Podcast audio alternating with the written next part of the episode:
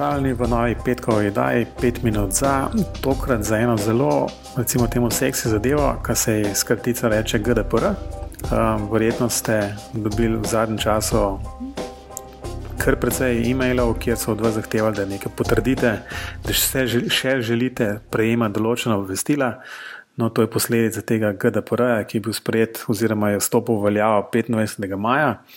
No, in danes bomo z Robijo malo pokomentirali, kako se vse skupaj nanaša tudi na, na BIM in na splošno uh, gradbene firme.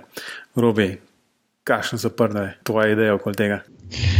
Ja, jaz bi najprej povedal, kaj GDPR pomeni. To pomeni General Data Protection Regulation, je pa direktna posledica tega, da nihče od nas ne ve, kako, na kakšen način in katere sploh podatke vse te spletne storitve obdelujejo, kaj vse vejo o nas, pa kaj lahko na podlagi tega potem združujejo. Evropa se odloča, da bo pač poskušala to malo regulirati, in dosegla je to, da zdaj, recimo, vi ne morete klikniti nekega gumba, s katerim ste se strinjali, bog ve kaj, to je temu smo po domači rekli drobni tisk, ampak zdaj morate izredno dovoliti obdelavo podatkov. Um, zdaj, če tako najprej povem, kako kak to vpliva na BIM pogovore, mogoče bi ti razložil.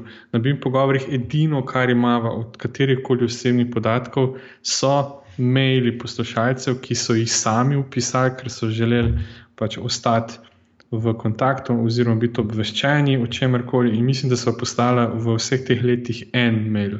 Poslušalci, oziroma splošno se lahko pač na spletni strani, um, kjer piše naroči se, ne, tam se lahko tipka e-mail naslov in potem se naročiš na to mailing listo.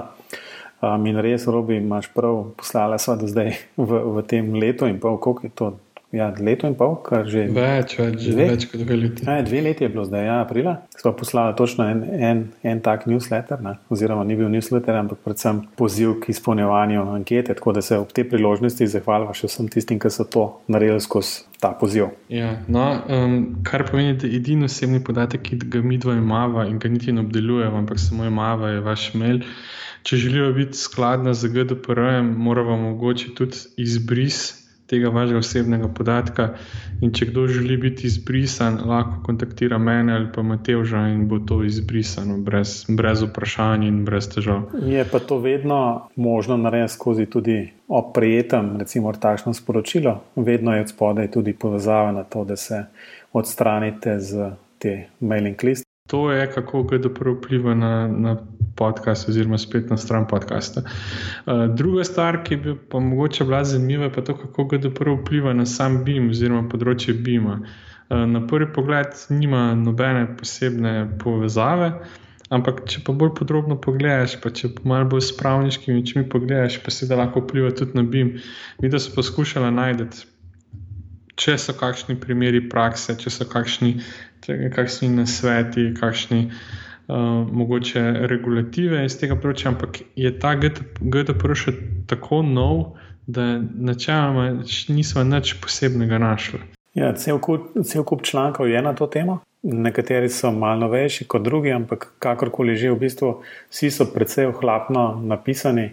Um, in mislim, da v globalu, ne, bom recimo tako rekel, da ta GDPR je predvsem posledica ali pa želje regulirati te velike firme, kot so Facebook, Google in podobni, da, ki res nekako dejansko obdelujejo te podatke. Je pa jasno, um, posledično tudi res, da tudi recimo manjša podjetja, tudi recimo manjši ponudniki nekih spletnih storitev um, se morajo posledično s tem ukvarjati in biti um, pripravljeni na GDPR.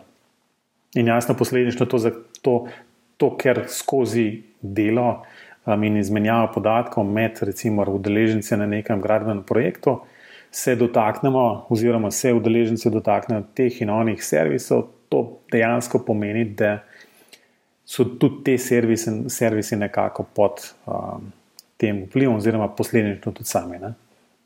Ja, to gre predvsem za te spletne storitve, tipa BIMX, BIM 360, BIM, um, Viewpoint, Mislim, vse to, kar, vse, kar kjer, je nek cloud ali kar koli blizu tako, njega. Ne?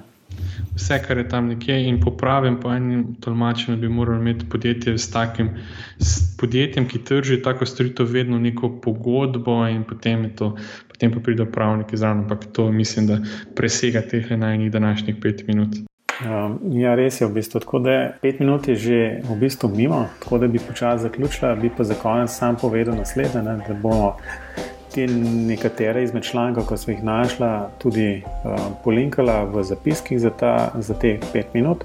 Tako da vse tiste poslušalce, ki to poslušajo, vabim, da grejo na spletno stran Bim Pogovori in bodo tam lahko pač te članke našli. Se pravi, teh člankov je res mnogo, uh, polinkala bo sam tistih nekaj par, ki, ki se nam recimo zdijo recimo relevantni. Ne? Um, to je pa mislim, da tudi vse, kar smo imeli za danes povedati. Uh, روبي عليا عليا